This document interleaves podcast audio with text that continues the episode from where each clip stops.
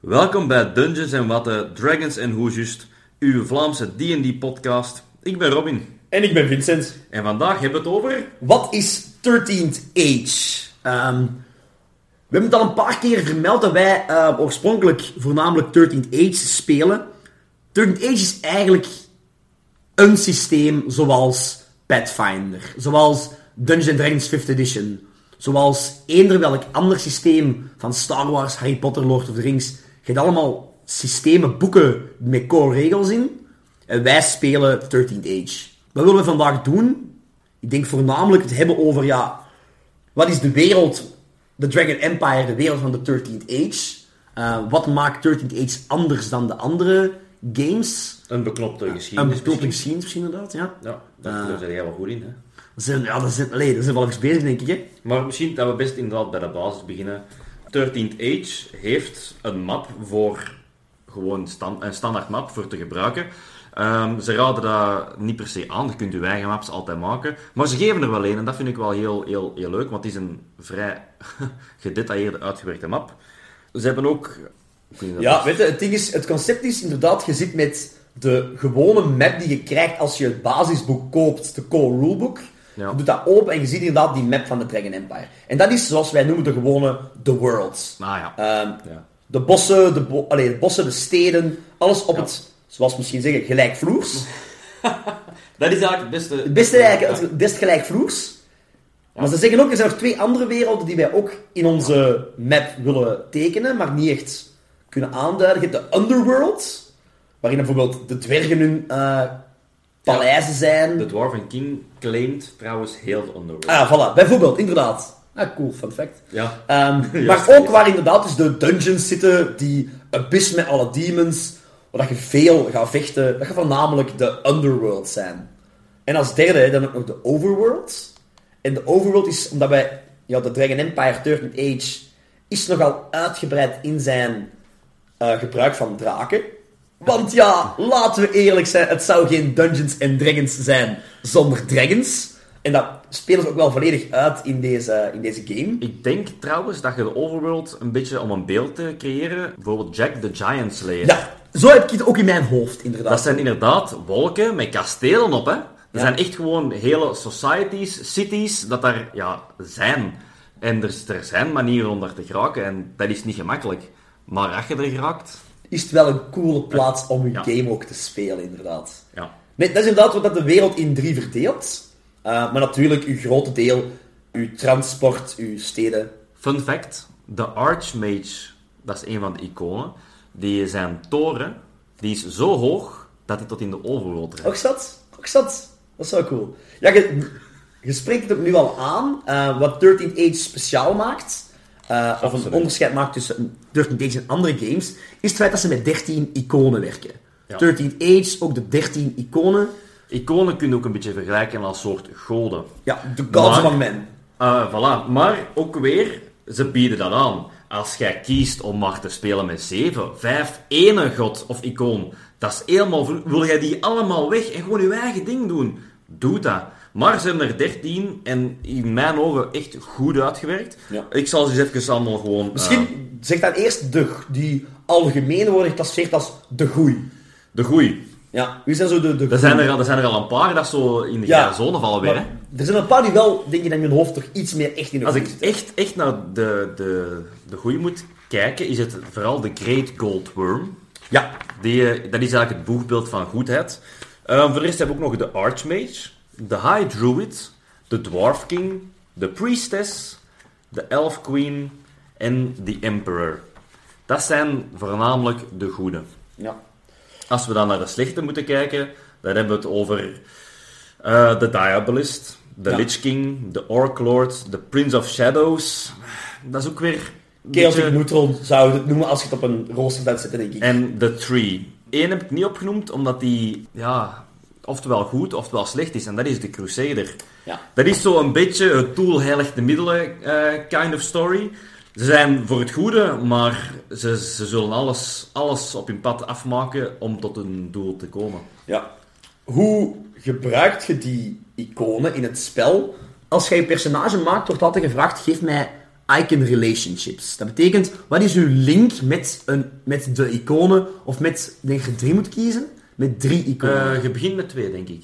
nee, je hebt drie punten, je mag die verdelen onder Ja, volgens mij mag jij pakken zoveel dat je wilt. zoveel je wilt. Dus je mocht drie punten spenderen, dus drie verschillende icons kiezen. Ja, of je mocht zeggen, ik pak er twee punten steek in het- mijn relatie met de Lich King, met Ja. de Emperor, whatever. En om het simpel eh, te zeggen, dus je kiest bijvoorbeeld de Archmage, de Priestess en toch de Crusader. Dus dan kun jij elke sessie, of om de twee sessies, hangt er een beetje vanaf hoe het uw GM dat beslist, mogen je eigenlijk gewoon een gewone dobbelsteen gooien of een D6. En eh, als jij een 5 of een 6 gooit, dan heb jij die zijn, eh, moet dat zeggen, zijn favor. Een 5 is niet zo hoog als een 6, dus je gaat wel een mindere favor krijgen, of met een kleine, Klein nadeeltje bij, inderdaad. Hè, een, ja. een kleine prijs dat je moet Ja. betalen. Inderdaad. Bij een 6 heb je echt de full favor en dan kun je die favor echt, echt gebruiken. Concreet, in game-wise, gaat dat vaak zijn eigenlijk uw, uw jokers, hè. Ja, Ehm, je hebt die kei slecht gegooid op een eh, stealth check. Of je wilt echt die laatste aanval. Jij wilt echt zien dat je dat monster kunt dooddoen. Ehm, of Vincent. hoe ben ik doodgegaan? En nog belangrijker misschien voor jou, hoe ben jij doodgegaan? Favors waren op, hè. Allee, En hoeveel favors waren er op bij jou? dat denk ik drie of vier, hè. Drie, hè, inderdaad. Ja, Drie favors van verschillende mensen. ja, ja, ja inderdaad. Dus dat is- drie ja, keren dat we een check deden. Om het simpel te zeggen, onze GM had een crit gerold op zijn monster tegen de Vincent, zijn karakter. En Vincent zei, ah maar nee, ik heb mijn favor bij mijn god. Maar dat is niet genoeg. Hij moet wel een klein verhaaltje verzinnen van, oké ja, die favor van, van uw ehm, Shadow, wat, is, wat was het? Prince of Shadows, dat Prince ik, of. Shadows. Die bereidt daar een verhaaltje aan van, kijk ja, ik was uit de Shadows gesprongen, uit mijn stealth, en ik val die aan, maar dat monster had mij juist gezien en die bijt mij gewoon in twee. Ah, maar de Prince of Shadows, die zag hoe goed dat jij uit die Shadows wordt gekomen en die zag hoe dat jij een devotee zei voor die zijn god. Dus wat doet hij? Die maakt de Shadows iets langer, zodat die een draak u juist niet zag, bijvoorbeeld. Of dat monster. Dus jij ontsnapt. Dus moet Jonas, hè, onze GM, opnieuw rollen. Rolt hij toch niet zeker weer een. Maar dan had ik van, ah maar wacht, de Dwarven King eh, heeft, heeft nog een favor voor mij. Dus ik gebruik die. Ah, oké, zegt de Jonas. Hoe gaan we dat doen? Ah, wel, we zitten hier beneden hè, in een dungeon. Dus de Dwarven King is baas van de Underworld. En ik heb een favor, dus ik bid. En ik bid tot die mens van, please, help mij. Toen was het toch wel ineens een earthquake, zeker? Een aardbeving, dat dat, dat monster zo liet op zijn benen struikelen, bij wijze van spreken, dat hij er net van hapte. Oké, is goed, zegt Jonas, ik rol opnieuw. Je gelooft me niet, hè. Maar derde keer op rij rolt hij een natural 20. Jot. Bam, crit. Wat dan, hè? En op een gegeven moment zijn uw jokers op, hè. En je moet Ja. toch gewoon zeggen, oké, nee, kut, mijn personage is dood. Maar het, zijn, het, het leuke aan die icon relationships zijn inderdaad, je kunt ze in combat gebruiken om je inderdaad te redden van de dood. Maar als je weet, oké, er gaat geen zotte combat vandaag zijn of zo, je kunt ze ook gebruiken voor eens een keer iets belachelijk, iets grappig, iets zot te doen. Die icons, dat zijn een beetje de movers van, het, van de wereld. Ja. En jij moet altijd uitleggen met je relationship van oké, wat is mijn link met dat icon? Is het een positieve link, een negatieve link? Conflicted. Conflicted, inderdaad. Ehm, Maar het belangrijkste ervan, je moet ze wel verdienen. ja, inderdaad. Weet jij nog, toevallig, we zullen Azot weer pakken, hoe dat hij een favor kon verdienen bij de... Ik vergeet zijn naam, hè. De Prince of Shadows, ja. ja. Eh, dus Aesop was mijn eerste personage, was mijn rook. Ja. Dus wat had ik verteld als wat is mijn link met de Prince of Shadows? Dat is een hele logische, hè. Ik ben een rook, een wees, opgegroeid in de straten van de hoofdstad Horizon? Of Axis? Axis was ik, ja. Opgenomen door de Thieving Guild, daaronder gestudeerd. En inderdaad, dat mysterieus icoon die een ja, dief onder dieven, die, ja, die Robin Hood, die een, ehm, ja, die een onbekende dief. Dat was het icoon waar dat iedereen zo naar opkeek onder de dieven. En mijn verhaal was dan ook dat ik inderdaad probeerde een apprentice te worden van die Prince of Shadows. En zo, via geheime cultus, via geheime handshakes, al die tralalaatjes, kom ik altijd zeggen, ah, maar nee, nee, hier passeert toevallig een dief, of een mens, en ik kijk in die zijn ogen en ik zie dat hij ook mee van de thieving guilds is. Wij laten een secret handshake zien, en zo helpt hij mij plots even. En dan mocht hij dan mijn icon relationship afgeven aan onze DM, dus oké, ja, nee, die helpt u even zo. Je kunt ze ook op een andere manier krijgen. Ah ja, ja, inderdaad. Het, het feit dat het jokers zijn, is inderdaad ook een beetje het concept van als jij iets cool doet, als jij iets stof doet, als jij iets doet dat echt overeenkomt met uw icoon, bijvoorbeeld ja, Ace of, heel gemakkelijk Prince of Shadows, als die echt iets ja, heel creatief, sneaky, stelend doet, durfde Jonas ons een deel wel eens zeggen van, ah, Vincent, ik vond dat zo grappig, goed gedaan, the rule of cool weer, het is cool gedaan, dus ik ga u belonen om creatief te zijn. Hier, je krijgt een extra joker deze keer. Ik ben blij dat je het woord creatief gebruikt. Want daar heb ik gemerkt, vooral in het begin, dat die soms er niet is, de creativiteit van mensen. En hoewel onze GM ons zo beloont op, op creativiteit en creatief denken van al iets maar raadsels oplossen, of gewoon problemen oplossen, of gewoon een situatie bekijken, hoe creatiever, hoe beter. En dat triggert je brein echt om, om zo te gaan denken. En dat is fantastisch. En in het begin is dat moeilijk en dan lukt het niet. Maar hoe verder dat je samen speelt en hoe meer je samen, hè, dat is fantastisch. Dat is ook in het begin, en dat, gaat, ik denk dat dat voor elke groep gaat zijn. Zo, Al zeg jij vier goede vrienden, of vijf goede vrienden, of drie, maakt dan niet uit. Die eerste keer en dat een zoektocht zijn van, oké, hoe moet ik mijn, hoe hard moet ik mij inleven in mijn personage? Ja. Hoe moet ik deze spelen? Maar zeker als je onder vrienden bent op een gezellige avond, je er een pintje bij, je hebt goed gegeten, en je zit eigenlijk gewoon ook aan het zwansen die hele avond, hè? Ja. In je personage. En dan kan inderdaad die een verteller zeggen van, oh maar ja, nee. Wat je nu aan het zeggen zegt dat is zeker in je personage. Wij hebben de regel bij ons aan tafel, ik vind dat een keigoede regel. Ja. Als je in Nederlands praat, praat je gewoon als Robin, als Vincent. Als je in Engels praat, praat je als je personage. Als wat je in het Engels zegt, is vanuit de stem van je personage. Ik vind dat een keigoede regel, want dat maakt ons een klik. Ja, maar zo voorkomen we ook misverstanden. Hè? Ja, inderdaad. Maar ik heb al een paar podcasts geluisterd ook van dat eh, Vlaamse mensen het gewoon in het Vlaams doen. En dat heeft ook zijn charmes, hè. Vlaams Ja. blijft als moedertaal. De Ja. jokes die je kunt maken in het Vlaams, zijn er ook veel. Maar de meeste ja, D&D-spelers wel vaardig zijn in het Engels om het ook gewoon in het Engels te doen. Het is daarmee dat we ook, ja, we hebben ook eh, termen dat, dat we gewoon niet in Nederlands kunnen zeggen. Nee, inderdaad. Zoals de icons allemaal. De Archmage blijft de Archmage. Eh, De hoofd van de tovenaars, maar dat klinkt zo niet echt in het Nederlands, hè. ja, ik vind van niet. Terecht. Er zijn Ja, mensen die mij zullen tegenspreken, dat is waar. De, Vincent, we hebben ook gezegd dat we een kleine geschiedenis gingen geven van 13th Age. Om het simpel te zeggen ook weer. Er zijn 13 ages, dus elke age is geëindigd met, een eh, evenement. Maakt niet uit welke, je zult er zelfs wel een paar bespreken. Hetgeen dat ik eigenlijk wil weten is, wat is er gebeurd dat een 13th Age is begonnen? Ja, heel concreet. Er is, een, er is ook weer een apart... In, het, in de core rulebook, eh, oorspronkelijk als je één boek koopt, die een boek. In die boek wordt ook inderdaad uitgelegd van, oké, heel kort, een pagina of 10, 12, van... Dit zijn de vorige ages, we zitten nu in de 13e age, en zo ziet de wereld eruit.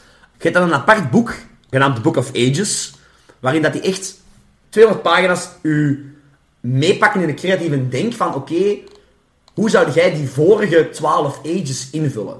Als DM, ik heb dat zelf ook gedaan, is een heel leuke creatieve opdracht dat ik wel een mee bezig ben, om uit te schrijven, oké, hoe moet mijn wereld, zijn geschiedenis er wat uitzien? En wat kan ik doen met die vorige ages? Ik ga er een paar leuke uithalen. Je hebt zo de Age of the Howling Moon. Denk Heb dat- je daar ook een nummer van? Bijvo- ja, maar die mogen ook zelf wat, wat bepalen. Bij Ah. mij, in mijn, in mijn wereld, waar ik speel, eh, is dat de Sixth Age. Dus dat betekent dat op een gegeven moment een tijd waarin dat het onder de bourgeoisie, onder de adel, was het een fashion statement om u te laten bijten door een weerbeest. En dus was er echt in de hoofdsteden, in Axis, in Horizon, in alle grote steden, had je clans van, dus in Exit zaten allemaal weertijgers, in Horizon allemaal weer wolven, allee, whatever.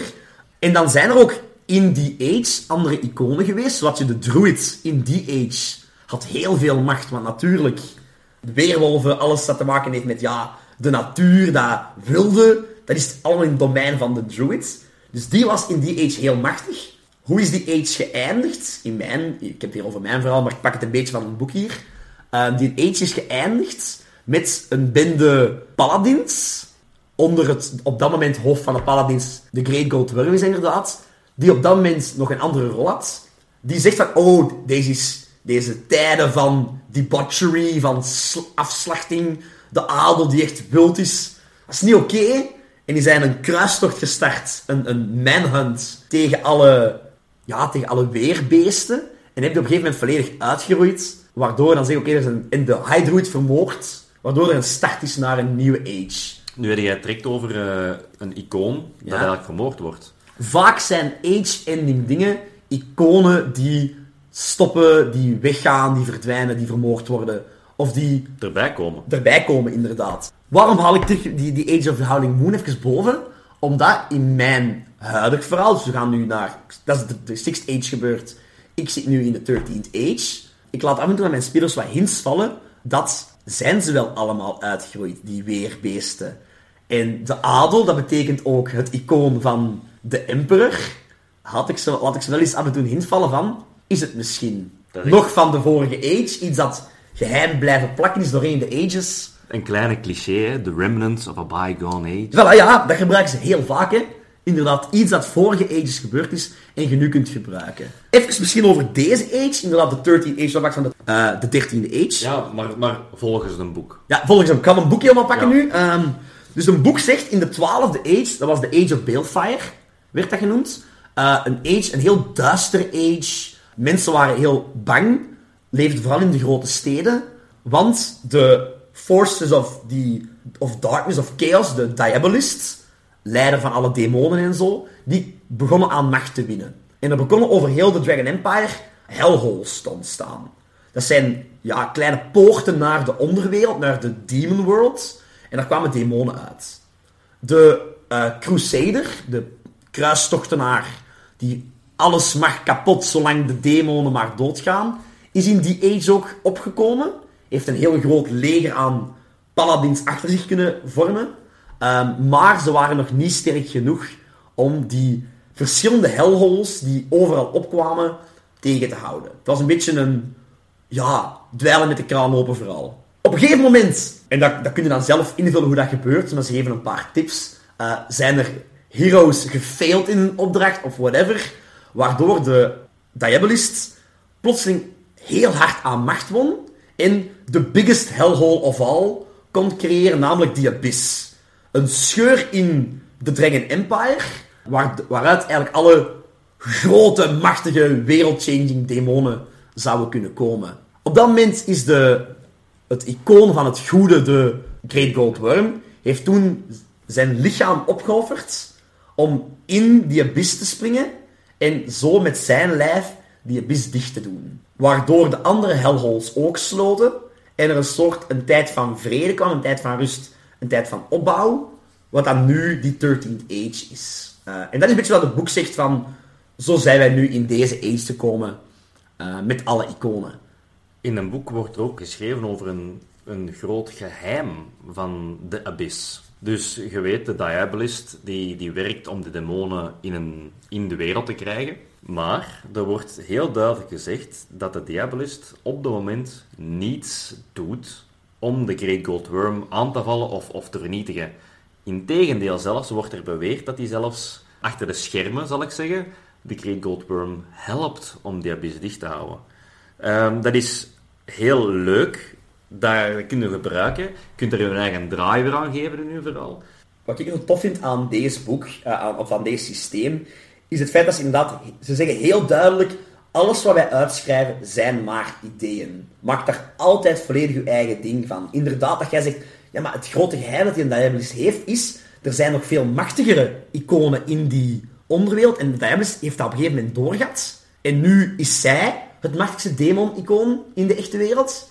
Maar ze wil eigenlijk die andere, die machtigere demonen, wil ze weghouden. Ik wou net zeggen, wat is meestal de regel bij demonen? De wet van de sterkste. En inderdaad, als die abyss open is, wat voor demonen daar gaat komen, ja, dat, dat moet je geen vraag bestellen. Die gaan allemaal de Diabolist challengen voor de rule. Maar je kunt, en dat is een goed verhaal dat je kunt geven aan de Diabolist. Maar iets anders kun je ook zeggen. Je kunt even, dat is een beetje mijn beeld van de Diabolist. So, some people just want to watch the world burn. Die willen niks veroveren. Zij wil niks... ehm, ja, zij wil niet dat zij de emperor wordt. Nee, zij wil gewoon chaos en iedereen moet zot worden van angst en paniek. Soms helpt ze eens, soms geeft ze eens iemand een steek ergens. Allee, het is een, een icoon van chaos bij mij. Wat ik ook wel leuk vind. Maar dat is ook het geweldige, je kunt dat volledig zelf inkleden. Ze geven u heel veel plothooks, maar ook zeker die creatieve vrijheid om er zelf iets mee te doen. Dus de wereld kun je eigenlijk echt maken hoe dat jij wilt. Je kunt ook alles van een boek volgen. Dat staat allemaal exact neergeschreven. Ik zie het hier ook voor mij. Als je naar de wereld gaat kijken, ze hebben drie werelden, dat ze even kort toelichten, om dan verder te gaan. Dus om het even kort toe te lichten, ze beginnen met de zeven steden in de wereld. De steden zijn Axis, Concord, Drakenhall, Glitterhagen, Horizon, Newport en Santa Cora. Ze hebben elk ook hun eigen kenmerken. Bijvoorbeeld, een, een Axis is bijvoorbeeld de City of Swords, hè, van zwaarden, van, van ja. status, inderdaad. Terwijl bijvoorbeeld Horizon meer de City of Wonders en Magic is. Ze gaan ook verder dan naar wat is de Abyss, wat is Anvil, de, de grote stronghold under de the dwergen, mountain, ja. hè, de dwergen. En dan ook weer Axis, City of Swords, helemaal uitgelegd. De Bloodwood, helemaal uitgelegd. Cathedral, Cloudhome, dan gaan we dan direct naar de overwereld zelfs. Dat is, wauw, je, je krijgt een map waar, waar alles op staat van steden, van gebieden, allemaal uitgelegd. Maar ze zeggen echt heel zelf, mannen, wij geven een voorbeeld. Maak er van wat je wilt. Gebruik ons systeem hoe dat je wilt. En die vrijheid is toch voor mij iets dat zijn eigen onderscheidt naar andere systemen toe. Ik denk, als ik, als ik de reden dat ik zelf met DM ben begonnen, was het concept van, ik heb, ik heb hier een verhaal in mijn hoofd en ik wil, deze, ik wil deze vertellen. Ik wil deze uitschrijven, ik wil deze spelen. En dat was inderdaad Turtle Age een heel goed medium daarvoor, want het gaf mij enorm veel ideeën. Maar bijvoorbeeld de kaart van de Dragon Empire, ik heb die vrij snel aan de kant gelegd en zelf een kaart getekend. Omdat ik, en mijn, mijn wereld noemt dat Alicea, het heeft heel veel weg van de Dragon Empires. Hè. Ehm, maar ik, heb er, ik probeer best mijn eigen dingen mee te doen. Ja. Met die, dit, dat boek van die Dragon Empire, van die 13th Age, als leidraad, als ja, touwke, waaraan ik mijn eigen verhaallijntjes kan plakken. Eh, en dat is het geweldige aan dit systeem. Heeft Pathfinder, heeft D&D dat ook? Ja, sowieso wel. Want elke DM maakt er zijn eigen ding van. Ik zeg nu dat dat onderscheidt zichzelf hè, met die vrijheid. Hoewel, wij hebben ook een Pathfinder-campaign. En Jonas heeft ook zijn eigen wereld gewoon gemaakt. Ja. Dus Ik raad dat altijd aan, ik vind dat leuker. Maar natuurlijk, het is allemaal meer werk, hè. En zoals we in de eerste sessie podcast ook al gezegd hebben, heb je geen tijd.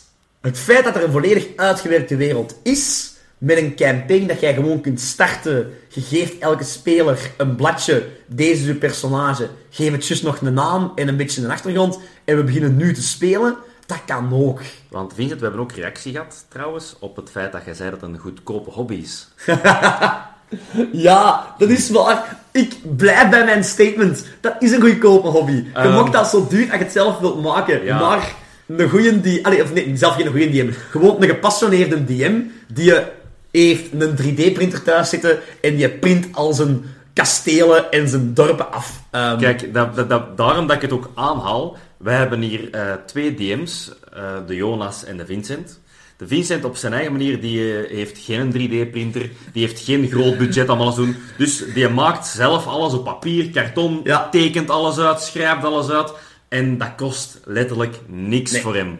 De Jonas daarentegen, ja. de, de Jonas daarentegen, ik zal niet zeggen dat hij budget heeft of niet, maar dat is zijn hobby, zijn passie. Die doet dat zo graag, die heeft een 3D-printer, dat is een, een, een engineer, die kan dat. Dus die print alles af, die maakt een heel dorp bij wijze van spreken, hè, 3D geprint, alles. En die steekt er heel veel geld in. Die steekt er, omdat dat zijn passie is, dat is zijn hobby. En dat maakt het kei leuk, daar niet van. Maar het moet niet. Nee, inderdaad. Je kunt zelf echt kiezen. Dat maakt het zo toegankelijk. Want op de eerste plek blijft D&D Theater of the Mind. Alles speelt zich af in uw hoofd uiteindelijk. Inderdaad, inderdaad. En dat is het... Allee, ik zeg het, mijn, mijn, mijn, eh, mijn monstertjes waartegen ze vechten, is letterlijk een, een pizzadoos, waar ik met, met een prits een eh, afgeprinte afbeelding tegen plak en uitknip, hè. En dan op een staander gezet. Dat is het. Mijn maps, mijn eh, towns, mijn dingen, dat is op een, eh, een plastic, allee, of een, een papier dat je geplastificeerd hebt, met een whiteboardstift waar ik opteken, dit is een vierkantje, deze is een huis. Deze is een grote vierkantje, dus deze is een markt. Allee, Ja. ehm, en dat is, dat is genoeg. Mijn spelers zijn volledig mee. Dus Jonas, het kan heel goedkoop zijn. Leg de lat, en ook voor andere DM's, leg de lat niet te hoog voor jezelf. Leuk dat je erover begint, Ja. inderdaad. De Jonas is een bangelijke DM, maar hij legt de lat voor zichzelf heel, heel hoog. En dat kan het soms moeilijk maken en heel veel stress geven als DM zijnde. Het mag niet. Het is een hobby, mensen. Het mag niet stressvol zijn. Je, moet, je doet het voor je plezier, omdat jij één, met je vrienden wilt samen zijn en een spelletjesavond wilt doen. En twee, hopelijk dat jij een verhaal hebt dat je wilt vertellen. Of zelf gewoon een van je spelers wilt helpen om hun verhaal uit te schrijven. Want elke speler heeft zijn eigen background, zijn eigen reden waarom hij dat personage speelt. En die wil dat uitgeschreven zien. En snel even een shout-out naar de Jonas. Ik hoop dat je er de volgende keer bij kunt zijn, want wij, wij, wij kennen veel van van D&D, van 13 Days, maar wij samen kennen nog niet eens een helft van wat Nee, Jonas kent, denk ik. Belangen niet, belangen niet. inderdaad. Dus dat gaat een enorm, enorm grote aanwinst zijn voor onze podcast. Dus eh, ik kan niet wachten. Nee, inderdaad. Moeten we nog iets vertellen over wat is 13th Age? We hebben de iconen besproken. Als de Jonas deze hoort, En nu gaan we een lijst geven. eh, maar allee, de kans is groot dat wij alles nog gaan aanpassen met de tijd. Of Ja. dingen extra afleveringen gaan maken, omdat wij heel veel dingen vergeten zijn. Ehm, de Jonas heeft ons onlangs ook nog aangesproken op onze character creation, die vrij goed was voor hem. Maar we zijn dit vergeten, we zijn dat vergeten. En hij heeft gelijk, ehm, bijvoorbeeld One Unique Thing. Dat is iets dat zo uniek is aan 13th Age. Ja. Dat, zij, dat hebben wij bewust niet gezegd, omdat we daar ook een volledige aflevering aan willen wijden, omdat het inderdaad iets vrij groots is aan 13th Age. En iets heel leuks ook, hè? Ja, ja, ja, absoluut. Net zoals skills, feats, daar komen we nog allemaal bij. Want wij hebben nu wel een character al gemaakt, Tongo. Wij hebben dat gemaakt, maar dat is nog niet af-af. Wij moeten er nog skills voor kiezen, moeten er nog feats voor vastleggen. Dat duurt allemaal niet zo lang, maar dat gaan we ook samen met jullie doen. Om dan samen onze allereerste combat eens te proberen. En we gaan Dongo ook verschillende ehm klasses eh, laten Ja, spelen. of, of zelf gewoon. Ik was aan het denken, dus we houden Dongo is nu onze gnome Barbarian.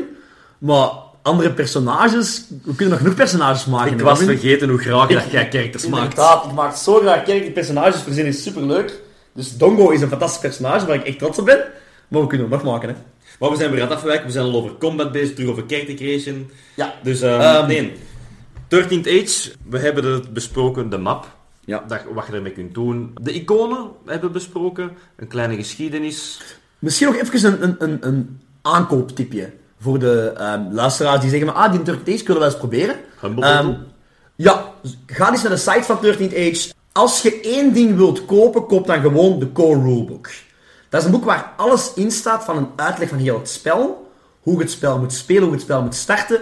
En ook een stuk of 100 pagina's gewijd aan allemaal monstertjes die je in je spel kunt steken. Met die boek kun je alles doen. Maar als je... Ja, het gaat zelf niet over veel geld, hè. Eh, ik denk dat je de andere 4, 5 boeken ook kunt kopen voor misschien 15 euro, ik weet het niet. Eh, Dat hangt er vanaf, als je die echt fysiek wilt, dan is het toch 50 euro per boek. nou ja, ja, ja, de fysieke versie kost wat meer, maar Ja. PDF en iPad is even goed, hè. Ik heb onlangs alle boeken gekocht op Humble Bundle voor 20, 30 euro. Oké, Allemaal hè. PDF. Ja. Heel alle pdf's, inderdaad. Ja. En misschien dat we het niet mogen vermelden, maar je, kunt ze ook gewoon online vinden. Ja, maar ja dat kan ook. Support de community eh, en koop ze. Nu dat je dat zegt, community, dat is het nadeel van 13th Age. 13th Age heeft een kleine community, eh, jammer genoeg niet zoveel support. Als je naar D&D zelf kijkt, of naar Pathfinder, eh, je tikt dat in in Reddit of op andere fora's en je krijgt daar heel veel users dat dat eigenlijk hun eigen ervaringen vertellen, Ja. ideeën geven. Bij 13th Age gaat het veel minder geven. Ook podcastgewijs. De avonturen van 13th Age zijn zo miniem. Dus daarmee dat we ook nu met 13th Age begonnen zijn, om dat toch ietsje meer in de kijker te zetten. Omdat dat toch zo'n leuk systeem is. Dat wij daar zo'n fan van zijn, hè, inderdaad. Ja, ook gewoon omdat dat ons eerste systeem was. We gaan sowieso nog Pathfinder Ja, ook bespreken. zeker, zeker. Omdat we daar nu ook al een paar maanden mee bezig zijn. En dat is ook fantastisch leuk. Maar op een heel andere manier. Ja, inderdaad. Maar even terug over die boeken. Dat als, als je... De, de core rulebook is een, een given. Zie dat je die hebt als je 13 Age wilt spelen. Net je tweede boek, 13 True Ways, is een soort van core rulebook 2. Een uitbreiding. hè. Een kleine uitbreiding waarin bijvoorbeeld de klasse van de druïden wordt uitgelegd, waar een hoop extra monsters komen, waar meer enkele steden worden uitgelegd. Allee, als je een tweede boek wilt kopen, is dat zeker een grote aanrader. Ook heel veel rassen dat er wordt Ja, toegevoegd. inderdaad. En dan, als je nog geld over hebt, of je wilt nog andere boeken kopen, de bestiaries, dat zijn eigenlijk de monsterboeken. Boeken van 200, 300 pagina's, allemaal verschillende monstertjes waar je tegen kunt vechten. Eh, de Book of Age is een hele leuke om je te helpen in je denkproces van hoe ga ik mijn wereld vormen. En je hebt er nog een paar andere, eh, allemaal heel leuke. Ik wou net zeggen, ik heb hier echt twintig boeken over avonturen. Ja. En dat zijn avonturen dat je in de underworld, in de overworld, bepaalde plekken op de map, maar ook weer, je kunt die af de map halen en Ja. in je eigen wereld steken. Het zijn er zoveel avonturen dat ze Inderdaad. geven. Daar hebben we het nog niet over gehad, inderdaad. Want er zijn ook, er zijn wel boeken met, met, met theorieën, om zo te zeggen. Maar inderdaad, er zijn ook boeken die gewoon een spel geven. Hier is een, een, een, een En alles staat campaign. zwart op wit neergeschreven van kijk, dit is het avontuur, dit moet je zeggen, dit moet je doen, zo kun je aanpassen, dit zijn de, de rewards, dit zijn de characters dat wij aanbevelen. Dat is kei tof om zelfs gewoon maar te lezen en gewoon helemaal te veranderen, maar je hebt weer een idee opgedaan. Ja, inderdaad. En het, kan, allee, het ding is ook, stel zelf je wilt geen geld steken, tikt online eens one-shots in D&D en je vindt er duizend. Nadeel is, die zijn allemaal meestal voor Dungeons and Dragons 5th edition, of zelfs nog vroegere versies gemaakt. Maar lees het verhaal en je kunt het heel gemakkelijk omzetten naar een 13th Age spel. Vincent, ik heb nog een vraag voor jou. Ja? Als je eens kijkt naar 13th Age, wat is het grootste verschil met andere systemen? Wat zorgt ervoor dat 13th Age er zo hard tussenuit springt? Ha, tju. Goeie vraag. Ik denk dat het belangrijkste, dat echt het onderscheid maakt tussen 13 Age en andere, is inderdaad dat 13 Age echt wel op de voorpagina zegt, wij willen echt die creativiteit van de spelers en de vertellers stimuleren. We gaan minder concreet uitschrijven, maar veel meer die haken uitwerpen van dit zijn toffe ideeën. Ook met de combat geldt dat zo. Terwijl bij eh, bijvoorbeeld Pathfinder speelden we ook al een tijdje. Daar je heel hard van, oké, ik mag enkel en alleen deze paar spells doen. Turtle is er veel vrijer in. Oké, jij kunt basic spells doen. En zolang dat niet te zot is, mogen jij gerust van die electric spel, een fire spel maken. Maak er je eigen ding mee. Bent echt wordt aangemoedigd om je eigen ding te doen. Ook out of combat, bijvoorbeeld dingen zoals cantrips en zo, gebruikt die in uh, Turtle Age heel weinig. Omdat ze gewoon zeggen van, oh nee, nee, oké, jij bent een sorcerer, basic magic kunde jij. En je moet dat niet allemaal opgeschreven hebben van deze 10 spells heb ik. Zolang het niet game-breaking is, Ja, is dat aan het DM om te beslissen van, oh nee, ça va, doe maar. inderdaad. Een, een simpel voorbeeld eigenlijk. Bij Pathfinder heb ik echt message moeten pakken als cantrip. Ja. Ik heb er echt een, een cantrip moeten verpakken om een vuur te maken, om iets te koken, of gewoon om iets telepathisch te kunnen zeggen. En dat is iets dat 13th Age niet gebruikt. Die heeft inderdaad, zoals jij zegt, je bent een sorcerer, je bent een wizard, jij kunt dat. Punt. En twijfelde jij, vraag dat aan uw Ja. GM. En uw GM gaat u van, vertel eens hoe dat je dat wilt dan, hè, hoe wil je dat realiseren? En dan is het ook weer de rule of cool, die GM dat zegt van, ah wel, ik vind dat je dat hier goed verwoordt. En dan kun je dat doen. Dus nu denk je eigenlijk ineens aan, 13th Age is echt gewoon voor de creative minds onder ons. Ja. Nog zoiets dat dat weer in uitkomt, zijn die background points. Die jij aan het begin van je spel aan je personage geeft. Je hebt acht punten die je aan je personage kunt geven. En andere spellen hebben dat niet. Bijvoorbeeld, ik weet dat Pathfinder bijvoorbeeld niet heeft. Maar bijvoorbeeld, inderdaad, en dan moet je volledig zelf kiezen wat dat is. Ik weet bijvoorbeeld dat een van onze spelers had gekozen van, ja, ik ben een boer. Ik zet van mijn acht punten, vier punten in farming. Dus altijd als die mens een skill check deed van iets met dieren, iets met het land bewerken, dan zegt je, ah, maar mag ik daar nog een plus 4 bij tellen? Omwille van mijn farming background. Dan vraagt hij hem, ah, maar leg dat eens uit. Waarom kun jij deze beter doen? Omdat jij nog farmer bent. Ah, als je het goed kunt uitleggen, mocht jij die plus 4 erbij tellen. Ik weet niet, wat, wat waren uw background? Weet je dat nog? Ja, ik heb ze net even erbij gepakt. Ik heb hier nu Axaldir voor mij liggen. Dat was de paladin, hè? Ja, Ik zal eens de paladin, ja, de Asimar paladin. En eender de druid. Met een paladin had ik een paar backgrounds gegeven dat ik dacht dat wel RPG, roleplay gewijs erbij paste. Eh, later wel wat spijt van gehad, omdat ik ze... Kan ze wel gebruiken, maar ik ben niet voor het, het sterke gegaan. Dus als je echt algemene dingen pakt, als je een warrior bent, of... Nee, beter. Je bent een wizard. En je zegt van, ah, ik heb aan de school gestudeerd. Ah, ik ben met, met die wizard mee geweest. Ik ben met die kluizenaar op, op, op, in leer geweest. Dus dat zijn uh, punten dat uw gym bijna nooit kan weigeren. Als je bijvoorbeeld je spels moet gebruiken. Ik ben een paladin, dus ik ben een tank. Ik, ik doe damage. Maar ik ben RPG-gewijs gegaan voor mijn backgrounds. Spreading the word of the gods. Dus omdat ik een pelgrim ben geweest in mijn backstory, ik heb heel veel plaatsen bezocht en ik ben altijd het woord van de Great Gold Worm aan het verspreiden geweest. Heb jij heel vaak gebruikt als jij charisma-checks moest doen, hè? Ja, ja, maar jammer genoeg is dit zo specifiek dat het bijna nooit echt werd toegelaten. Tenzij ik daar echt een hele harde draai moest geven. En ik weet niet waarom, maar ik heb daar vier punten aan gegeven. Vier. Maar dan geef ik een plus vier als het mag, hè? Ja. Maar inderdaad, als het niet mag, stel je wel niet... Allee. Voor de rest heb ik uh, het in Study of the Holy Scripts. Ik heb daar weer de fout gemaakt om Holy Scripts te zetten. Als ik gewoon Study of Scripts, dan kon ik daar een draai aan geven. Ja. Veel meer. Nu was het echt heel specifiek voor heilige geschriften. En dat komt helemaal niet zoveel voor. Uh, voor de rest had ik nog Cooking en Cattle, far cattle Farmer. Voor inderdaad dat maar meer algemeen te houden. Ja. Ik weet dat ik met mijn, uh, met mijn personage van Lando Lamora, mijn Bard, uh, de stereotype playboy titser Bard, had ik mijn, mijn background gestoken in, inderdaad, ik had een paar punten gestoken in study, history en lore. Wat dat mij een hele goede was, want elke intelligence check, kan zeggen, maar ik heb gestudeerd, als Bard is het mijn taak om mondeling de, de verhalen, de legendes van de wereld te vertellen aan de mensen. Dus ja, ik wil hier wel die plus 2 bijtellen. Uh, en vaak mocht dat dan ook. Van, ah nee, Vince, dat is heel logisch, inderdaad, in een Bart. Jij, daar misschien wel iets van. Jij hebt het zo algemeen gehouden. Jij bent slimmer geweest. Mijn, mijn andere grote ding was performer. Ik ben een bard, dus ik sta op een podium. Ik ben het gewoon om voor mensen te praten, mensen te entertainen. Dus inderdaad, met heel veel charisma-checks. Maar soms ook bij mijn dexterity behendigheidschecks kon ik zeggen, ah, ik doe die plus 3 erbij.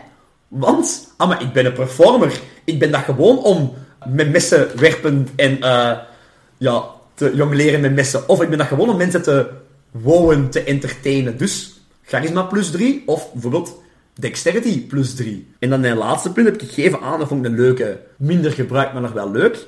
Enjoying the nicer things in life. Omdat het een beetje een snopje was, een beetje een ijdeltuit. Als men kan kiezen tussen wijn van 5 gold of wijn van een kopper kiezen voor die 5 gold, want hij is zo wel wat fancier. Een beetje de meer bourgeoisie. Waarbij ook een plus 2 gaf dat ik ook wel af en toe kon gebruiken. Maar dat, die backgroundpunten vormen uw personage, helpen u als speler om in dat personage te treden. Ja, het is ook gewoon leuk om met een dobbelsteen plus 10 te kunnen doen, omdat uw charisma 7 is en je nog eens plus 3 mocht doen. Voilà. Omdat je die background hebt. Een paar tips dat we kunnen meegeven is inderdaad zij algemeen in die, in die background, dat je daar punt in steekt. Verdeelt ze ook een beetje. Zet niet alles op één of twee, maar niet te algemeen ook weer niet. Want dan gaat een gym ook zoiets in van, je bent niet creatief genoeg voor mij, van mij moet het iets specifieker. Dus ik heb hier met een andere bij liggen, Eender, de dwerg commander, dat druid is geworden. Die zijn backgrounds waren nog wel vooral in commander, omdat dat een commander was. En in uh, elite eenheid training, om het zo even te zeggen. Dus ik kon heel vaak dat aanhalen van... Hey, dat was vroeger een Navy SEAL, bij wijze van spreken. En qua survival, qua um, endurance, qua uh, kracht, qua uit... Dat, ik kon dat zoveel gebruiken. Het was jammer genoeg maar een plus 2.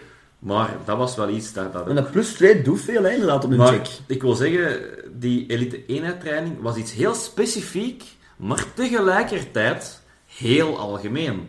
Dus dat is eigenlijk het, het, mijn tip naar de backgrounds. Uh, wees inderdaad zo algemeen mogelijk door toch zo specifiek mogelijk te zijn voor uw karakter. Alright. Hebben wij, zo, hebben wij een, een overgegeven van Turk Days? Ik denk het wel een beetje. Wij zijn sowieso nog schijten veel vergeten. Hopla, uh, dank u Vincent. Nu moet ik het weer expliciet maken. maar we zijn sowieso schijten veel vergeten. Uh, wij gaan hier nog op terugkomen, omdat wij zo'n fan zijn van 13th Age. Maar ik denk dat we hier kunnen afsluiten voor vandaag. Eh bedankt voor het luisteren allemaal. Ja, En eh, tot volgende keer. tot volgende keer. You. You.